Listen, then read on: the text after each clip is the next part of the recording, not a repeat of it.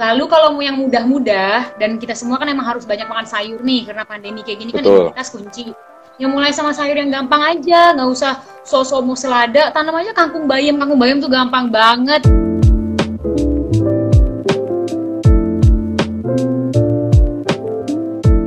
Oke kak, ini sore hari ini nih udah banyak dari squad yang udah gabung nih.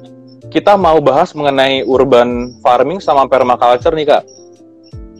Tapi sebelumnya mau perkenalan dulu. Halo kak, nama aku Aldi dari Siap Darling. Jadi mungkin buat followersnya um, Kebun Kumara, salam kenal semua. Saya dari Siap Darling. Jadi Siap Darling itu tuh kayak uh, social movement yang diinisiasi sama Bakti Lingkungan Jarum Foundation yang ngajak anak muda atau milenial, khususnya mahasiswa sih, untuk em, terjun langsung dan peduli sama lingkungan. Jadi nggak cuma peduli, tapi juga kita biasanya melakukan aksi darling namanya. Nah, mereka itu kita sebut namanya Darling Squad nih kak. Jadi boleh disapa dulu kak Darling Squad dan semua yang sudah habung di sini. Hai Darling Squad, keren banget sih namanya. Darling Squad. Iya. Ya, jadi gak cuman biar peduli aja nih, mereka juga kita ajak tuh buat em, terjun langsung nanam. Jadi kita ada aksi darling, jadi kita nanam di lahan kritis. Kemarin kita berhasil nanam di Kawah Ijen. Itu kita nanam cemara gunung. Dan juga ada namanya kita Candi Darling atau Candi Sadar Lingkungan. Jadi kita nanam di Candi Seantero Indonesia. Kita melakukan konservasi dan menanam pohon-pohon yang punya nilai em, konservasi dan juga nilai khas di sana. Udah ada Prambanan di eh, Gedong Songo, Ratu Boko dan lain sebagainya. Nah, tadi kan udah nih Kak perkenalan siap darlingnya. Boleh dong Kak sebelum kita lanjut ke inti bahasan kita, boleh dikenalin kebun kumara itu apa sih buat darling spot nih yang belum kenal? Oke, jadi eh, aku mewakili Kebun Kumara. Kebun Kumara itu kami adalah sebuah kebun belajar yang bertekad gimana caranya biar kita sama-sama masyarakat kota bisa menjalani gaya hidup yang lebih lestari. Nah, kita percaya kalau semua itu bisa dimulai pintu masuknya dari berkebun. Jadi kalau kita berkebun sebenarnya kita udah bisa mulai mengisi keseharian kita dengan merawat alam. Nanti dari situ harapannya kita bisa jadi lebih peka lah soal makan, soal pangan, soal sampah, soal sisa makan organik di dapur, um, soal gaya kita beli makanan tuh dari mana, bisa apa tidak mendukung produk lokal. Jadi banyak banget isu-isu lingkungan yang akan jadi lebih dekat sama kita kalau kita udah mau mulai berkebun gitu. Oke, berarti berkebun di rumah itu tuh kayak merupakan gerbang awal atau pintu pertama membuka untuk hal yang lebih besar lagi untuk lingkungan ya Kak ya? Iya. boleh diceritain nggak sih kak awalnya tuh gimana sih kak kok kakak ini kayak bisa muncul dengan kebun kumara dan punya ide nanam di kota gitu loh di rumah gitu. Eh, jadi kebun Kumara ini kalau aku pribadi sebenarnya aku terinspirasi habis aku pulang dari Bumi Langit. Kamu udah pernah belum ke sana? bumi langit belum kak itu Jogja. apa tuh kak Di oh Jogja oke Hmm, jadi itu Belum sebenarnya Kak. orang tahu sebagai tempat. Orang tahu sebagai tempat makan, tapi sebenarnya itu udah adalah atasnya memang tempat makan, tapi bawahnya tuh rumah, tempat tinggalnya keluarga Oke. Woruntu. Jadi Pak Iskandar Woruntu bersama keluarganya. oke I see Nah, aku ke sana itu tahun 2015 dan mereka itu pokoknya hidupnya tuh bener-bener men- mencari cara untuk selaras dan serasi dengan alam. Jadi mereka berkebun, nanam sendiri, semua sampah rumah tangganya mereka kelola lagi jadi kompos buat kebun Oke. itu lagi, mereka petik lagi. Terus mereka uh, beternak juga. Jadi ayam yang mereka makan tuh ayam yang mereka rawat sendiri. Jadi gaya hidup yang aku nggak pernah lihat sebelumnya di perkotaan ya, yang begitu dekat Hmm. dengan sumber pangan kita. Nah, pulang-pulang dari situ aku merasa kok kita sebagai orang kota nggak pernah eh, ini ya peka terhadap we take it for granted gitu. Makanan-makanan yang ada di meja makan kita nggak pernah nge siapa yang nanemin gimana proses dia tumbuh. Dan karena kita nggak peka akhirnya kita jadi punya budaya-budaya yang mubazir budaya yang berlebih ya kan? Pengen semua pengen selalu ada mangga padahal nggak selalu musim mangga. Pengen selalu ada cabai padahal cabai naik turun. Em, pengen selalu punya durian yang nggak bisa juga tapi kita nggak nggak ngeh gitu. Semua pokoknya kita mau kita konsumen harusnya ada gitu kan. Jadi em, aku merasa terputus banget dari budaya itu budaya berkebun eh, budaya dekat dengan alam akhirnya itu kenapa aku suami sama adik-adik bikin kebun kumara. Karena kita ngerasa kayaknya cara mendekatkan masyarakat kota dengan alam tanpa harus ke pantai ke gunung tanpa harus nanam hutan gundul gitu kan atau nanam mangrove kayaknya salah satu caranya adalah membawa alam ke rumah kita. Dan paling gampang adalah dengan satu pot satu pot tanaman aja kan udah alam ya. Jadi kita merasa betul, sebenarnya keterbukaan itu bisa digali kembali kalau kita mau membawa alam ke keseharian kita betul banget kak jadi mungkin kita nggak usah mikir muluk-muluk dulu ya kak untuk menghijaukan sebuah lahan kritis di mana tapi kita mungkin bisa mulai dari diri sendiri dan rumah sendiri ya kak ya dari mulai satu pot tanaman aja oke okay. Nih kak, sebenarnya kan siap darling ini kan rutin ya ngadain hmm, mungkin kegiatan yang sifatnya cukup besar nih. Kita nanam di lahan-lahan kritis, candi. Nah karena kondisi seperti pandemi ini kan eh, lagi dibatasin kayak gini kan, mungkin biar mereka tuh tetap bisa melakukan hal baik di rumah. Aksi darling kalau nyebutnya aksi sadar lingkungan di rumah kan dengan tadi yang kak bilang nanam minimal satu pot aja deh gitu. Nah ini loh yang mereka rasain itu kadang mereka kan anak kosan, kita kan mahasiswa ya ini ya kak. Siap darling, darling squad ini mahasiswa mereka tuh terbatas banget lahannya di rumah bahkan di kosannya kayak aduh nggak ada lahan banget itu gimana kak ya ngakalinnya supaya mereka tetap bisa nanam tanaman berkebun tapi di lahan terbatas sebenarnya selama kita tuh sudah diberkahi dengan eh, cuaca tropis ya. Jadi kita punya matahari sepanjang tahun. Jadi sebenarnya okay. selama lokasi kita kena matahari kita bisa berkebun di situ. Berkebunnya pakai apa? Itu tergantung kreativitas masing-masing. Kita bisa pakai pot itu bisa beli. Atau bisa bikin pot. Bikin aja dari wadah-wadah plastik yang kita punya bikin dari botol-botol yang kita punya atau misalnya bekas karton susu atau apa pun yang kita punya itu bisa jadi wadah jadi buat aku wadah nggak masalah lebih ke harus dipastikan emang e, lokasinya kena matahari itu aja sih kalau udah kena matahari okay. bisa berkebun lahan nggak masalah yang penting syukur Indonesia dikasih matahari full sepanjang tahun, ya. manfaatin matahari hmm. dan manfaatin media yang ada dan simpel kayak botol plastik misalnya gitu kayak kaleng bekas susu, bekas cat segala macam bisa dipakai ya kak ya. Iya. Nah untuk tanamannya sendiri nih, gimana sih kak cara nentuin tanaman yang pas nih kayak, aduh gue tanam apa nih di lahan kayak gini, pohon apa yang bisa, pohon apa yang enggak, pohon apa yang ngasih manfaat dan lain sebagainya gitu kak. Oke, aku selalu menyarankan mulai menanam apa yang kita suka gitu ya jadi apa yang kita kalau suka? orang pada dasar ya kan kalau kamu dasarnya nggak suka ngejahe nggak suka ngeteh nggak suka ngeteh pohon-pohonan ya nggak usah nanam rimpang gitu kan mungkin itu bukan okay. buat kamu mungkin sukanya kangkung sukanya numis ya tanam kangkung gitu tanam bayam jadi balik lagi ke kita itu sukanya apa ya kan Lalu kalau mau yang mudah-mudah dan kita semua kan emang harus banyak makan sayur nih karena pandemi kayak gini kan Betul. kan imunitas kunci. Yang mulai sama sayur yang gampang aja, nggak usah sosok mau selada, tanam aja kangkung bayam. Kangkung bayam tuh gampang banget dan dalam 40 hari udah bisa panen. Panen, betul. Yang kepake hmm, dan dikonsumsi sendiri dulu aja gitu ya. Iya, jadi oke okay lah misalnya bawang-bawangan masih mau beli, kan nggak masalah. Kita kan nggak harus nanam 100% semua. Cuma apa yang bisa kita tanam ya kita tanam aja. Misalnya kayak kangkung bayam tadi jelas bisa ditanam. Terus Betul. kalau misalnya itu itu cepet banget. Terus kalau misalnya kita nggak punya waktu tapi pengen bisa makan sesuatu ya tancap aja stek singkong, tan uh, tanam pepaya. Karena walaupun itu butuh waktu nanti daun pepaya bisa dimakan, bunga pepaya Betul. bisa dimakan ya kan? Terus singkong kalau nggak sabar nunggu singkongnya ya petik-petik aja daunnya buat dimakan buat dilalap gitu. Jadi banyak banget kalau di kita mah yang gampang-gampang gitu.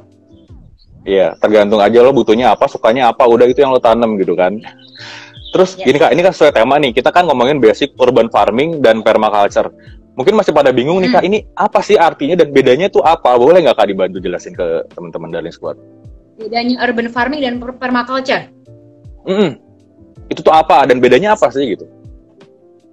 Sebenarnya be gimana ya dia uh, urban farming itu kan intinya kamu berkebun di perkotaan itu kamu udah urban farming.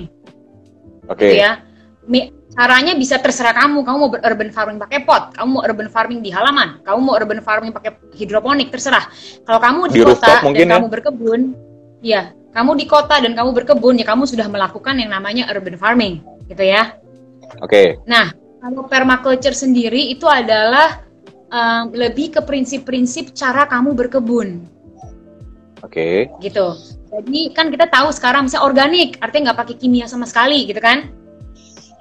Okay. Nah, kalau permaculture itu melampaui itu. Jadi kalau permaculture udah pasti organik, kita pasti meniru alam. Jadi permaculture itu bagaimana ketika kita berkebun, uh, kita mengikuti prinsip-prinsip alam. Contoh, aku mau hmm. berkebun, Aku udah berkebun banyak dalam pot, ada selada, ada kangkung, ada bayam, ada cabai dan lain sebagainya. Dateng deh belalang, gitu kan? Eh, kok yeah. dateng nih ulet, gitu.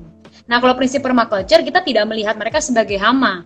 Kita melihat mereka hmm. sebagai ya iyalah gue berkebun, gue menumbuhkan ekosistem, mereka adalah penghuni di sebuah ekosistem itu. Jadi emang itu tempat mereka. Nah, kalau permaculture tuh dia akan mencari cara gimana caranya biar kita tidak perlu membinasakan mereka, tapi kita mendesain ekosistem di mana kita sama-sama bisa hidup, kita sama-sama bisa untung di situ. Contoh kalau di kebun kumara, belalang itu banyak banget. Itu kenapa kita tanam hmm. bunga matahari. Jadi bunga matahari kita tuh daunnya pasti bolong karena itu semua buat belalang sama buat ulet.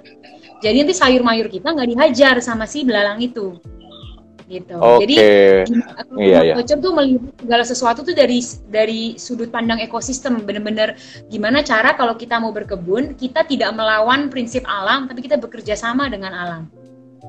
Oke, berarti permaculture itu kayak sebuah konsep gitu ya kayak ya? gimana kita bentuk ekosistem tapi balance semuanya kayak ya? jadi nggak ada yang diuntungkan nggak ada yang dirugikan kita juga ngelihat hama hama juga kan disebut hama karena dia jumlahnya banyak dan merugikan tapi kalau semuanya seimbang dan bahkan malah bisa bikin bagus ekosistem tersebut ya kak ya dan dan konsep hama ini menarik banget karena pas kita di perkotaan kan nggak nggak ini ya kita nggak itu nggak awam lah hama tuh di benak kita pasti kutu kebanyakan ulet eh, belalang tuh udah yeah. hama semua ya cuma pas Betul. aku belajar soal permaculture di bumi langit sebenarnya konsep hama itu konsep modern yang sangat amat egois jadi seakan-akan kalau kita menumbuhkan sesuatu itu hanya buat manusia aja Padahal kan yang jelas kalau kita bekerja dengan alam ya alam itu kan punya banyak makhluk lain ya yang dia juga pasti Betul. punya hak untuk menyantap apa yang ada di alam itu gitu. Jadi konsep hama tuh sebenarnya nggak tepat ya kita melihat sesuatu sebagai musuh. Jadi lebih ke bagaimana sih kita pinternya kita ketika kita mendesain ruang, mendesain kebun itu tuh kita bisa men, uh, menata agar yang menjadi haknya kita itu kita ambil, tapi yang menjadi haknya alam, baik itu ulet, cacing, yang jadi haknya semut, rayap, um, belalang gitu kan, itu itu di, di, diberikan gitu ke mereka. Bahkan kalau di kebun kumara kita sampai ini pokoknya bunga yang ini, bunga yang ini, bunga yang ini itu sesajen buat belalang ya gitu. Jadi buat kita kita persembahkan itu buat mereka, biar mereka kenyang di kebun kita dan gak menghajar sayur mayur kita misalnya. Oke, udah jelas nih ya dari Dalang Squad semuanya nih apa itu urban uh, farming. Jadi setiap kalian nanam di kota itu ya namun udah urban farming namanya ya. Dan ya, sebuah konsep permaculture di mana kalian memanfaatkan ekosistem supaya menjadi seimbang gitu kak. Oke, ini langsung aja nih kak. Mungkin banyak yang penasaran step by stepnya nih kak. Pertama itu kita harus ngapain kalau mau mulai urban farming dengan konsep si permaculture tadi? Oke, Pertama kali kamu harus melakukan observasi. Pertama kamu harus observasi, observasi ke dalam diri sendiri, dalam diri sendiri punya waktu apa enggak. Kalau namanya berkebun tuh harus disiram loh dua kali sehari, tanaman tuh nggak tumbuh sendirian. Kita harus mau merawat dia, punya waktu apa enggak, bener nggak kita bisa disiplin, mau nggak kita belajar untuk disiplin merawat tanaman, ya kan? Terus kalau kita udah observasi, kita juga harus ini ya, apa namanya bukan bermaksud tidak ambisius tapi juga jangan lebay gitu. Jadi jangan tiba-tiba gue mau berkebun terus beli 20 bibit tahunya nggak kerawat semua semuanya mati gitu kan. Mendingan mulai yang perlahan aja satu dua bibit dulu. Kalau sudah dapat feelnya udah enak udah kebayang oh ternyata gue setiap pagi harus kayak gini setiap sore harus kayak gini baru kita tambah bibit jadi observasi diri sendiri paling penting. Yang kedua observasi okay. konteks konteks hidup kita ruangnya. Kena matahari apa enggak kalau yang harus dicari nih lokasi di kosan atau lokasi di rumah yang kena matahari bagian mana. Nah, itulah jadi kebun kita. Jadi mungkin okay. beda tuh sama lokasi yang bayangan kita kayak oh gue pengen banget teras pas di luar kamar jadi tempat kebun. Eh tahunya nggak kena matahari. Ya udah jangan tempat itu, harus cari tempat lain. Gitu kan? Jadi harus diobservasi dulu. Kalau udah tahu mana kena matahari, tinggal pastikan bahwa ada akses air aja kalau ada keran nggak deket okay. situ bisa tarik selang nggak gitu jadi matahari sama air itu kunci ya itu nggak bisa kita nego kalau masalah okay, tanaman pangan ya jadi dua itu harus ada udah kalau udah nemu tempatnya udah tinggal pilih aja bibit sama mau bibit apa duluan yang ditanam oke okay. kita udah nemu tempatnya matahari udah oke okay, air juga udah mantep nih kak udah tahu tempatnya di mana nih udah aman. Tinggal medianya kak, media kan gak kalah penting ya kak dari si tanaman itu sendiri. Nah gimana kak cara nentuin media? Karena media itu kan tempat dia hidup. Di mana dia hidup, di mana dia cari ma uh, makan. Nah itu gimana cara menyiapkan atau memilih media tanam yang tepat nih kak? Dan simple tuh okay. tentunya buat teman-teman dari squad nih. Kalau tidak gini, sebenarnya media tanam itu banyak banget tersedia teman-teman bisa beli. Kalau misalnya kita bicara anak-anak kosan, ya kan, yang pasti depannya nggak ada halaman juga. Kalau halaman juga bukan punya dia, dia nggak bisa main serba iya, gitu kan. Um, itu itu kita bisa beli. Ada akses untuk media tanam. Beli apa dan di mana itu biasa di toko tani atau enggak di tukang-tukang jual tanaman pinggir jalan gitu loh. Ya kan? Oh iya, betul. Yang itu sudah campuran biasanya Kak ya? Ya, tapi kalau aku menyarankan jangan beli yang campuran, jadi campur sendiri aja. Oh, oke. Okay. Boleh tuh kak, komposisinya ya. apa aja kak? Oke, okay, jadi yang wajib banget kita pakai adalah sekam. Bisa sekam bakar, okay. bisa sekam mentah. Kalau punya akses ke tanah liat, bisa nyolong dikit atau bisa minta dikit dari tetangga. Kita minta tanah liat juga karena tanah kita itu tanah surga. Tanah liat Indonesia tuh bagus banget dan uh, walaupun oh. dia lengket kalau sendirian kalau dia dicampur dia jadi bagus gitu jadi kalau bisa punya tanah liat juga udah bisa campur sama pupuk perbandingannya kalau kita bicara tanah liat sekam bakar sekam mentah satu banding satu banding satu oh, oke okay. ya kan habis itu baru tuh... campur pupuknya baru campur okay. pupuknya. Pupuk itu minimal, pupuk itu minimal sepertiga dari volume media tanam. Jadi yang pertama kita lakukan kita kan campur dulu tuh tanah liat sama sekam bakar sama sekam mentah itu kita campur sampai dapat tekstur yang gembur. Habis itu baru tambah si pupuk. Pupuknya bebas mau pupuk kandang sapi, mau pupuk kandang kambing, mau casking. Kalau bisa bikin kompos sendiri bagus. Pokoknya itu bisa dicari. Tambahin aja ke media tanam yang kita siapkan. Minimal sepertiganya dari volume itu adalah kompos atau pupuk maksimal setengah. Jadi pupuk tuh nggak boleh kebanyakan. Orang tuh kadang suka lebay banget. Wah, saya mau beri pupuk biar tanaman sehat. Pupuknya kebanyakan tanamannya mati. Ya. Jadi nggak boleh Betul. setengah. Karena pupuk tuh apalagi pupuk kandang itu kan kayak dia menghasilkan panas ya kak. Kalau kebanyakan malah bikin mati itu akar akar tanaman yang masih baru nggak kuat.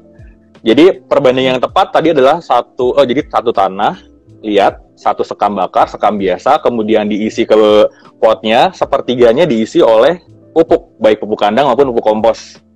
Tapi itu dicampur ya di. Jadi misalnya kamu kamu sekam bakar sekam mentah sama tanah liat. Itu kan kamu aduk-aduk kamu campur. Habis itu kamu dapat dong volumenya oh ini ini segini uh, uh, banyaknya segini. Kamu ambil pupuk yang kira-kira sepertiga dari dia kamu campur lagi oh, ke media tanah dulu? baru kamu pakai. Baru kita masukkan? Yes. Oke. Okay. ya jadi pupuknya pupuknya juga dicampur ke dalam media tanam tersebut kalau nggak okay. ada tanah liat, bisa pakai hmm. sabut kelapa alias kokopit. Itu juga kokopit. dijual di toko tani. Ya. Oke, okay. gantinya tanah liat kokopit. Ganti tanah liat. Ya. Kalau pakai tanah yang kayak mereka nemu di pinggir jalan, nemu di halaman gitu, bisa nggak sih kak? Kayak tanah-tanah ya udah yang Boleh. bergeletakan. Boleh. Tanah liat kan, tanah merah pakai aja. Ambil, pakai Tuh kalian jadi nggak usah ada alasan lagi kan nggak nemu media tanam kak gimana gimana tuh. Yang penting kalau oh sekam nih sekam kadang mereka sulit nih kak nyarinya nih kak. Scam, scam justru paling gampang. Scam itu ada scam mentah, ada scam bakar. Bedanya apa? Kalau scam mentah itu kan dia sama-sama kulit padi. Kalau scam mentah itu kulit padi langsung diambil aja. Kalau scam bakar tuh kulit padinya udah diasep, makanya warnanya kayak areng gitu, kayak hitam, kan. hitam kan. Betul. Nah, orang tuh suka kayak, aduh, bagusan mana sih scam mentah sama scam scam bakar? Jawabannya adalah dua-duanya bagus, karena dua-duanya tuh punya kandungan Iya, dua-duanya itu punya kandungan unsur hara yang berbeda. Jadi nggak bisa aku bilang satu lebih bagus dari yang lain. Jadi kalau aku bisa saranin pakai dua-duanya. Kalau harus pilih satu, misalnya ada budget gitu ya, nggak bisa beli dua-duanya, cenderung aku menyarankan beli sekam bakar. Gitu, karena Betul sekam bakar itu lebih steril, terus kandungan karbonnya bagus gitu. Cuma ya karena setahu aku juga karbon. Oh gitu, ya karena setahu aku karbon juga kan jadi dia tempat hidupnya bakteri baik di tanah ya kayak ya. jadi dia makin subur bakteri baiknya terus cacing-cacing dan sekam mentahnya itu buat medianya supaya tetap moist ya kayak ya. jadi nggak gampang kering dan jadi porus ah, medianya jago. Ya, kamu udah jago, benar, benar sekali. Di belakang. Skam, skam bakar itu, skam bakar itu lebih mudah lapuk dibanding skam mentah. Jadi skam mentah itu lebih jago nyimpen air, gitu. Jadi you want Siap. both of them. Mantap. Oke, tempatnya udah siap, media tanam udah ready. Nah, gimana cara kita mendapatkan bibit tanaman? Misalnya kita mau nanam sayuran, apa harus beli atau ada cara lain kak biar gampang gitu dapatnya gimana? Bisa kasih ide? Oke. Pertama, kamu bisa pertama bisa nyolong. nyolong nih jangan Gimana tuh, Kak, nyolong, tangga ya. Nyolong yang baik.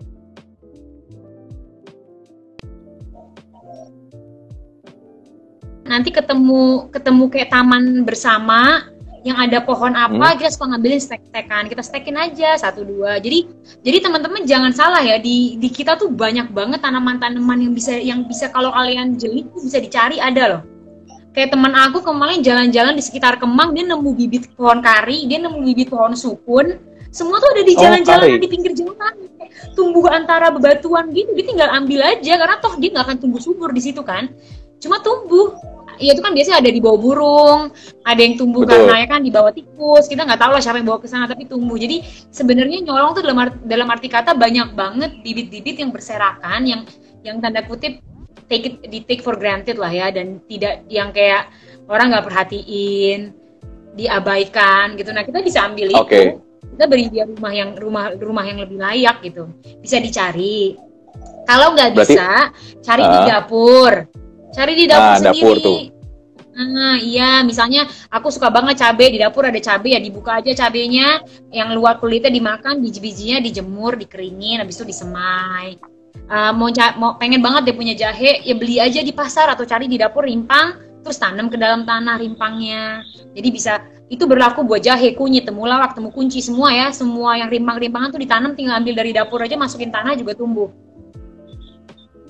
Nih, jadi buat Darling Squad nih mulai lebih peka aja ya sama lingkungan jalan sekitar gitu ya, lebih kayak perhatiin gitu loh di sudut-sudut jalan, di taman, di halaman. Bukan berarti nyolong di rumah atau halaman orang loh ya, kita tuh di jalanan aja tuh banyak banget uh, tumbuhan yang tumbuh sebenarnya itu punya manfaat, cuman kita nggak ngerti dan itu tumbuh dengan gitu aja kayak ya. kita selamatkan lah, kita bawa untuk kita rawat gitu ya. Yes. Sama Terus ini minta dapur. ini kalau misalnya teman-teman jalan suka ketemu lahan-lahan yang suka ada singkong, tau kan? Lahan-lahan kosong yang ditumbuhin yeah. singkong, ada yang yeah, yeah. kayak uh, kayak Jepang, ya betul, ya kan? Betul, kayak gitu-gitu. Samperin aja orang ya, Pak, Pak, Pak, boleh nggak minta stekan? Pasti dikasih, nggak mungkin nggak dikasih. Minta yeah. stekannya tancep di pot tumbuh, itu kamu tinggal petik. Yolo itu bisa petik setiap hari, kalau udah lebat kamu bisa makan itu setiap hari. Betul. Udah tumbuh besar bisa di stek lagi, diperbanyak lagi ya kak ya? Yes. Ya, Oke ini jadi kalian ini jangan alasan lagi. Oke, kita mungkin bacain komentar dulu ya kain. Kayaknya udah banyak yang nanya nih. Boleh. Kak kebanyakan belum tahu bentuk pohonnya namanya apa. Jadi dikira pohon biasa. Ya berarti kalian nggak perlu pohon itu, itu sebenarnya. Ya, kamu mulai dengan apa yang kamu tahu lah. Nanti kamu nyetek-nyetek, soalnya kamu nyetek lidah mertua lagi nggak bisa kamu makan juga. Hmm, kan lidah mertua di sayur repot nanti. Ini kak, kalau dia udah beli media tanam yang dikarungin gitu, perlu ditambah atau ditreatment lagi nggak sih atau langsung dipakai bisa? Oke, media tanam subur, media tanam capak tani, media tanam cap ibu tani, pokoknya semua yang judulnya media tanam itu menurut uh, menurut pengalaman kebun Kumara karena kita pernah pernah coba-coba trial error itu sebenarnya nggak cocok dipakai sendirian karena dia terlalu panas. Oh, Oke. Okay. Jadi okay. biasanya kalau kamu pakai itu, kalau kamu pakai itu nanti tanaman kamu tumbuh subur tuh sekitar dua minggu sampai sebulan, tapi habis itu dia layu karena dia terlalu okay, padat. karena kepanas itu. Jadi dari betul. Jadi kalau dari kita kita sarankan gunakan dia layaknya sebagai pupuk. Jangan gunakan dia sebagai okay. media tanam.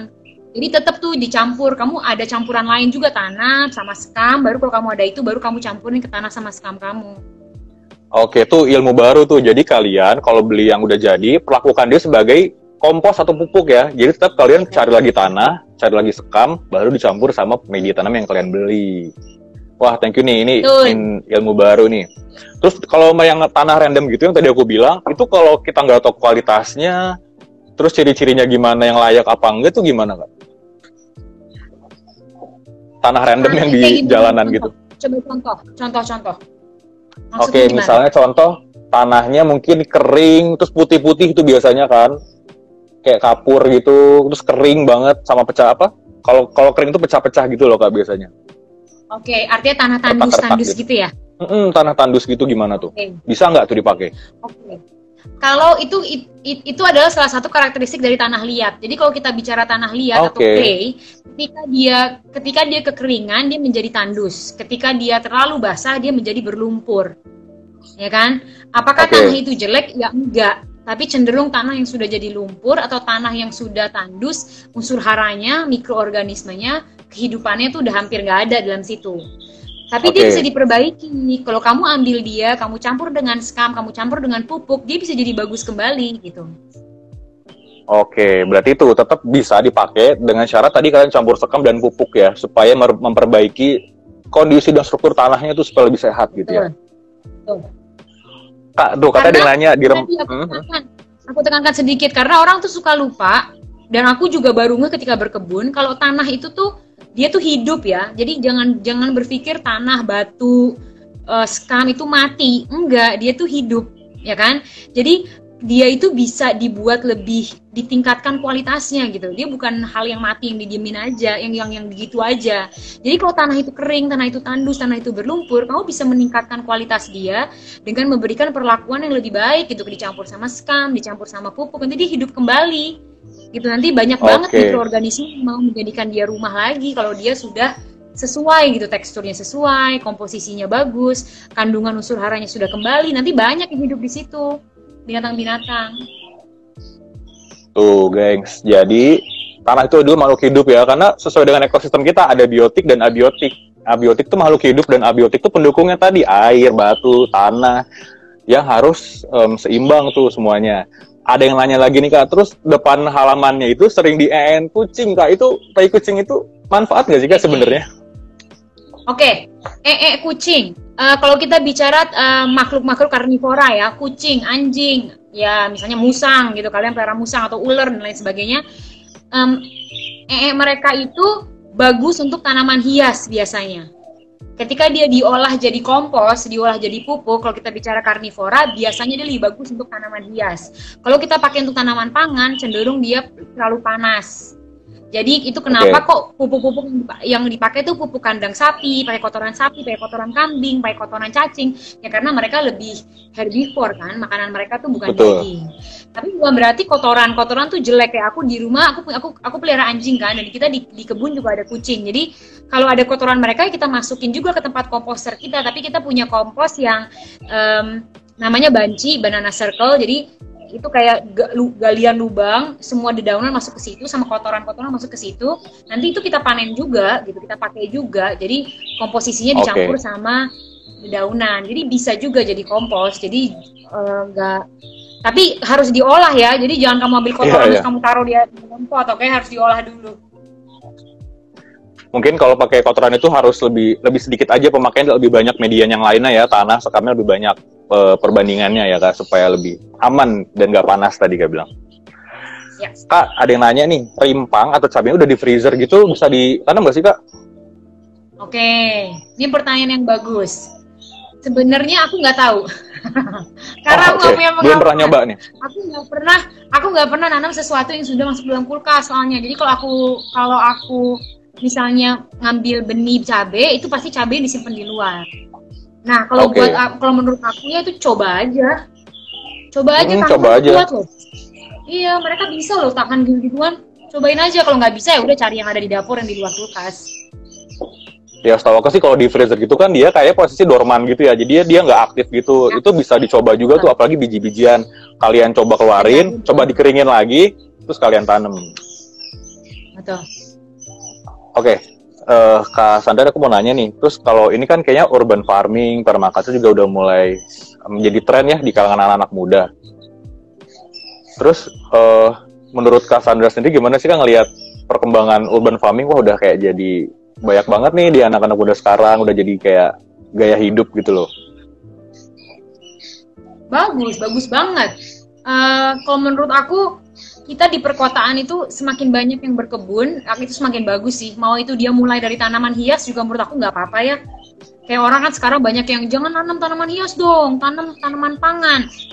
Ya, maksudnya aku ngerti sih karena tanaman tanaman pangan kan bisa dimakan, sedangkan tanaman hias kan nggak bisa dimakan. Cuma tetap aja mau itu berkebun yang mulai dari tanaman hias kayak kamu mau berkebun lidah mertua doang atau mau mulai dari kaktus, it doesn't matter gitu. Tanam aja dulu em, dijadikan apa ya dijadikan kebiasaan dulu dalam keseharian dulu ya kan? Baru nanti dari situ pasti berkembang. Kalau emang itu buat kamu kalau emang cocok pasti kamu sendiri akan akan mengembangkan kegiatan itu. Itu kalau buat aku tuh kayak gini loh kayak kita di kota itu kan tahu kalau kita harus sehat ya. Harus olahraga bener nggak? Betul. Ya kan? Kamu olahraganya apa di? Kamu olahraganya apa? Lari. Lari dari kenyataan okay. paling. Hmm. oh lari dari kenyataan. ya lari, lari ya, beneran, beneran lari beneran okay. Misalnya kamu lari, maraton, jogging, kan pilihan ada banyak orang bisa lari, bisa sepeda, dia bisa berenang, dia bisa yoga, bisa pilates gitu kan. Dia dia harus cari satu yang paling cocok sama dia, gitu kan, okay. agar dia sehat. Nah, buat aku berkebun tuh kayak salah satu opsi yang bisa dicoba aja. Jadi, is it for everyone? Maybe not. Sama aja kayak aku nggak suka zumba gitu. Aku nggak nggak enjoy melakukan zumba. Tapi aku suka misalnya stretching stretching yoga. Ya kalau berkebun yeah. menurut aku ya you have to try it to know if you like it gitu. Jadi kamu coba aja coba aja dan semoga bisa menemukan apa ya sedikit kedamaian di situ dan itu bisa terus berkembang jadi kegiatan yang masuk dalam keseharian.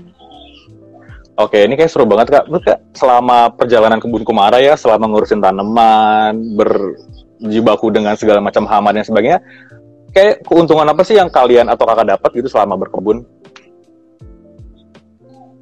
Banyak ya. Kalau kalau berkebun buat aku itu apalagi kayak lagi pandemi kayak gini kan kita sering hmm. kepikiran ya apalagi sekarang udah mau ada pelonggaran. Artinya kan kita berharap aja kita imun gitu kan terhadap si virus ini. Aku suka ngerasa kan sebenarnya ujung-ujungnya manusia ini kan diberikan uh, badan yang bisa melawan segala sesuatu sebenarnya. Dan buat aku berkebun itu sebuah wadah ya sebuah kegiatan yang bisa menguatkan raga kita. Karena kalau kamu berkebun nggak mungkin kamu nggak bangun pagi. Kamu pasti bangun pagi kamu pasti kena matahari. Dan nggak mungkin kamu nggak megang tanah. Dan ketika kamu megang tanah kamu jadi sehat. Karena tanah itu punya bakteri yang baik buat badan kita. Jadi kamu jadi sehat secara raga. Belum lagi kalau namanya berkebun pasti orang kalau lari juga ngalami dan runners high ya. Jadi kalau kita berkebun kan kita kayak finding flow gitu loh. Jadi kamu tuh cuma yeah. kamu kayak nggak mikirin hal lain, pikiran-pikiran yang tadi membebani tuh lupa. Kamu bisa sama tanaman tuh kayaknya healing aja gitu, terapeutik sekali. Karena apalagi warna hijau kan warna yang healing. Jadi orang kalau stres, sekarang orang-orang psikologi yang nature therapy kalau stres disuruh ke taman itu benar karena kalau kita bersama okay. tanaman kita jadi lebih kita lebih calm, kita lebih damai gitu. Ya kan jadi kayak nemuin inner peace sendiri aja gitu ya Nah, uh, jadi ketika kita harus menguatkan imunitas dan kita harus happy dan kita harus healthy, sebenarnya berkebun itu bisa bisa jadi solusi yang sangat amat nyata gitu untuk meraih itu. Oke. Ini Kak, ini kan Darling Squad nih kalau sampai sekarang ini kita sudah berhasil ngumpulin sekitar 1200 1288 Darling Squad nih. Oke, mana nih Darling Squad suaranya boleh lambaikan tangannya? Banyak. Banyak ya? Ya, dan itu terus bertambah seiring dengan um, kegiatan kita dan juga um, sosial media kita. Mungkin ada pesan gitu kak buat mereka yang mau mulai belajar atau memulai urban farming? Buat si Darling Squad nih. Pesannya kalau menurut aku uh, tadi mulai perlahan dan dengan jumlah yang sedikit dulu ya kan Oke. Okay. Uh, eh, gak usah berlebihan, segala sesuatu tuh harus sewajarnya, ya kan? Termasuk berkebun, karena ini makhluk hidup perlu dirawat. Ini kayak baby lah. Kamu harus punya waktu buat dia, ya kan? Uh, lalu kalau aku selalu merasa tangan dingin, tangan panas tuh mitos. Karena aku sendiri nggak pernah berkebun sebelum ada kebun kumara. Jadi aku baru berkebun tahun 2015-2016. Sebelumnya aku nggak pernah Sebelumnya? berkebun sama sekali, sama oh, wow. sekali ya Oke, okay? jadi aku selalu percaya kalau aku aja bisa, artinya semua orang pasti bisa. Jadi kuncinya adalah kamu harus mau jadi murid. Nah namanya jadi musik, namanya jadi murid kan harus mau berguru kan. Berguru pada siapa ya kalau kita berkebun ya kita berguru pada alam gitu. Jadi harus mau peka uh, membaca tanamannya, nggak ada tuh istilah instan dalam tanaman nggak ada nggak bisa lu nyemai besok jadi nggak akan ada dan harus mau sabar gitu jadi berkebun itu cocok untuk orang-orang yang mau kembali jadi murid gitu yang mau berguru kalau mau jadi gurunya ya nggak cocok berkebun Oke, berarti kayak nggak harus punya ilmu dan basic lingkungan, basic tanaman itu, tapi semua bisa berkebun. Asal mau sabar, belajar, trial and error nih kak, paling penting itu kayaknya ya. ya. Sampai kita bisa ngerti gitu. Oke, okay, aku mau bacain lagi komentar nih. Ada yang mau nanya lagi silakan yang mau bertanya. Oke, okay, ini udah wah dari squad udah angkat tangan semua nih rame nih. Lucu banget ya. Saya juga menyapa nih followersnya Kebun Kumara. Halo, jangan lupa follow Instagramnya Siap Daring. Dan kalian Darling Squad jangan lupa follow Instagramnya Kebun Kumara. lucu banget sih. Mana nih, mana nih? Oh, Cassandra ajak ke Candi Darling dong. Nah, ini kita tuh setiap tahun selalu ada event di Candi nih, Kak. Nanam bareng di candi-candi se-Indonesia. Nanti next kalau kita undang kira-kira bisa nggak nih? Aduh, pengen dong. Abis COVID kan? Abis COVID dong pastinya. Pokoknya setelah pandemi ini selesai, semua sudah normal kembali, kita akan langsung ngadain Candi Darling selanjutnya kemarin kita harus okay. habis dari Gedung Songo, dari Gedung Songo, terus sebelumnya udah ada Prambanan, Ratu Boko, Sandi Ijo, seru pokoknya kak. Nanti next Kak Sandra sama Biru mungkin, sama Kak Dira yeah. kita ajak untuk gabung di Candi Darling. Iya, aku mau. Oke, kita cari lagi pertanyaan sebentar. Birunya sudah bobo kah itu kak? Sudah akhirnya. Mendengar suaramu yang merdu itu loh, Di. Waduh. Nih Kak cara nyiram. Kak, kalau berkebun hmm. untuk pembibitan, baiknya tuh nyiramnya pagi atau sore sih? Terus siramnya berapa kali sehari gitu? Nyiramnya dua kali sehari. Pagi sebelum jam 9, sore setelah asar. Tuh, pagi sebelum jam 9 dan sore setelah asar. Karena kalau siang-siang nanti daunnya malah kering ya kak, malah kebakar gitu ya. Ya malah layu nanti dia kayak. Uh, malah layu. Kak, kalau tanemin rosemary, basil, media tanamnya sama aja nggak sama yang tadi kakak udah sebutin? Oke, kalau nanam tanaman-tanaman bule, ya kan ini kan pasti nah, bicara tanaman bule namanya ya. Bule-bule ini aku nyebutnya bule. Dia memang lebih suka media tanam yang cepet kering. Jadi dia nggak terlalu suka tanah liat. Kecuali kita bicara mint lokal atau basil lokal, okay. basil lokal which is mangi ya. Dia lebih kuat tuh sama tanah liat. Jadi biasanya kalau rosemary, mint sama si basil yang luar negeri itu kebanyakan tanah yang dipakai, eh media tanam yang dipakai adalah scam. Scam mentah, scam Mungkin dicampur pasir sama... bisa kak, mungkin kak? Dicampur pasir juga bisa ya. Supaya lebih kering dan Cepet kering. tidak menyimpan. Ya. Oke, itu cara nyiram ya, jangan lupa juga disiram dan jangan keseringan disiram juga pastinya bisa layu. Betul. Jangan overwatering. Kak, nanam jahe. Hmm, jangan overwatering. Kak, tanaman jahe misalnya oh nanam jahe belum muncul juga rimpangnya gimana cara munculinnya? Mungkin jelek ya jahenya kan? Okay. Pertama dipastikan dulu jahenya belum busuk. Kalau jahenya sudah busuk tidak akan muncul daunnya. Oke. Okay. Oke. Okay. Uh -uh. Lalu kalau daunnya belum muncul gimana? Memang kalau nanam rimpang daunnya tuh muncul nggak cepet ya. Bukan kayak seminggu dua minggu, kadang tiga minggu kadang ada yang sebulan baru daunnya kecil muncul gitu jadi ya wajar aja sih ditunggu aja ditunggu sampai sebulan okay. gitulah terus diberi kasih sayang jangan lupa diajak ngobrol diajak tanamannya. ngobrol diajak hmm. ngobrol tuh hai kamu rimpang tumbuh ya gitu dengan sehat yes. dengan baik gitu. yes aku percaya banget itu sangat efektif oke ada yang nanya lagi tuh untuk nyembuhin leaf mine leaf miner apa tuh kak leaf miner tuh gimana ya kak? Terus vitamin apa aja yang cocok leaf untuk tanaman pangan? Terima kasih kak. Kalian kayaknya lebih textbook dibanding aku ya. Leaf miner tuh yang mana ya? Leaf miner tuh yang di bawah daun ya? Kamu tau nggak di? Leaf miner, mungkin leaf miner. Mungkin yang hmm. nanya kalau masih ada bisa tanya lagi, eh bisa tulis lagi hmm. kali di komen yang dimaksud. Nabila, uh, kayaknya boleh. Di bawah-bawah daun itu ya? Mungkin yang kayak bercak-bercak gitu atau serangga putih-putih. Kalau nah, kalau kita bahas serangga-serangga yang nempel di daun, biasanya cara pertama untuk menghilangkan mereka adalah dengan dilap. Dihilangkan, di dihilangkan secara fisik gitu. Jadi dilap aja. Jadi nggak usah disemprot-semprot dulu. Jadi dibersihin aja ya? Dihilangkan ya? dari tanaman. Yes, like that. Benar. Jadi benar-benar literally dihilangin dari tanaman kamu. Si kutu-kutunya, apitsnya, leaf minernya di, di, dihilangin. Kalau dia kembali, ya kan? Biasanya dia akan kembali kalau tanamannya rentan. Jadi kalau tanaman-tanaman yang diserang sama kutu tuh biasanya dia dari dari sananya tuh udah lemah. Nah, kenapa dia okay. bisa lemah? Biasanya dari media tanamnya.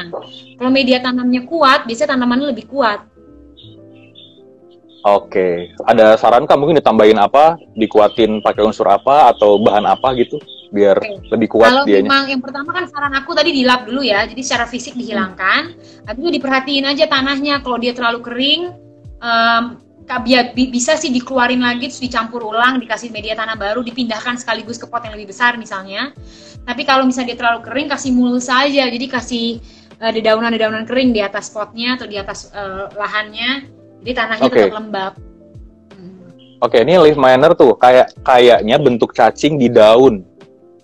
Oh, ya aku tahu. Ulet. Di terong sama di tomatku juga ada. Hah. Eh, kalau buat aku sih nggak pernah aku apa-apain ya. Nanti dia hilang sendiri Hmm. kalau misalkan biasanya itu muncul di bibit-bibit aku yang kecil. Nanti pas aku pindah tanam dia ke pot atau ke langsung ke tanah, dia hilang. Karena ya tadi aku bilang itu media tanamnya kuat. Nanti tanamannya tuh bisa kayak melawan dia gitu atau dia atau datang predator yang mangsa Di tomat biasanya tuh, betul. Tomat tuh juga rentan ya kayak sama hama-hamaan yang ulat, serangga Tomat itu dan aku nggak sebagainya. gampang. Aku baru aku baru sukses kak. Pokoknya aku juga kita juga di kebun kemarin kan bukan expert ya. Kita selalu bilang ke orang kita Iya. juga baru banyak belajar. Waktu itu kita akhirnya berhasil tomat tuh baru baru kapan ya 2018 baru kita berhasil nanam tomat. Sekarang aja kalau aku nanam tomat, misalnya aku nanam 5, mungkin yang berhasil cuma dua atau tiga nggak semuanya. Gitu, Iya, jadi nggak apa-apa, itu wajar aja, ada aja kok, ada aja lah gitu-gituan, jadi it's okay. Iya, soalnya juga ini aku juga nanam tomat tuh kayak beberapa doang yang tumbuh dan kalaupun tumbuh tuh kerdil gitu sama gak, gak tumbuh buahnya kecil banget gitu loh, kerdil jadinya. Emang agak susah sih si tomat itu. Media tanam sih, tomat tuh sangat sensitif ke media tanam. Kalau media tanamnya cocok, dia tumbuh subur banget. Kalau media tanamnya nggak cocok, ya dia langsung kayak gitu. Oke, oh tadi ada yang nanya asar itu habis jam 3 jam 4-an gitu. Oh, di atas jam, Kemudian ya aku di atas jam setengah empat ya benar. Di atas jam 4 lah kalau mau nyiram sore-sore setengah empat jam 4. Oke, waduh, ini udah nggak nyangka nih mau hampir sejam aja nih kak. Emang cepet ya. Cepet banget, padahal masih banyak banget yang mau ditanyain. Kak, jarak tanam ideal cabe itu gimana kak? Tergantung tanamannya, jarak tanam dia dari cabai ke cabai lain atau dari cabai ke apa nih? Boleh, mungkin cabe ke cabe yang lainnya. Oke, kalau misalnya cabai itu kan dia tumbuhnya cukup besar. Menurut aku, sorry ya, aku selalu pakai jengkal-jengkalan. Ti- Empat, empat, lima jengkal, berapa tuh? Artinya 60-80 cm lah.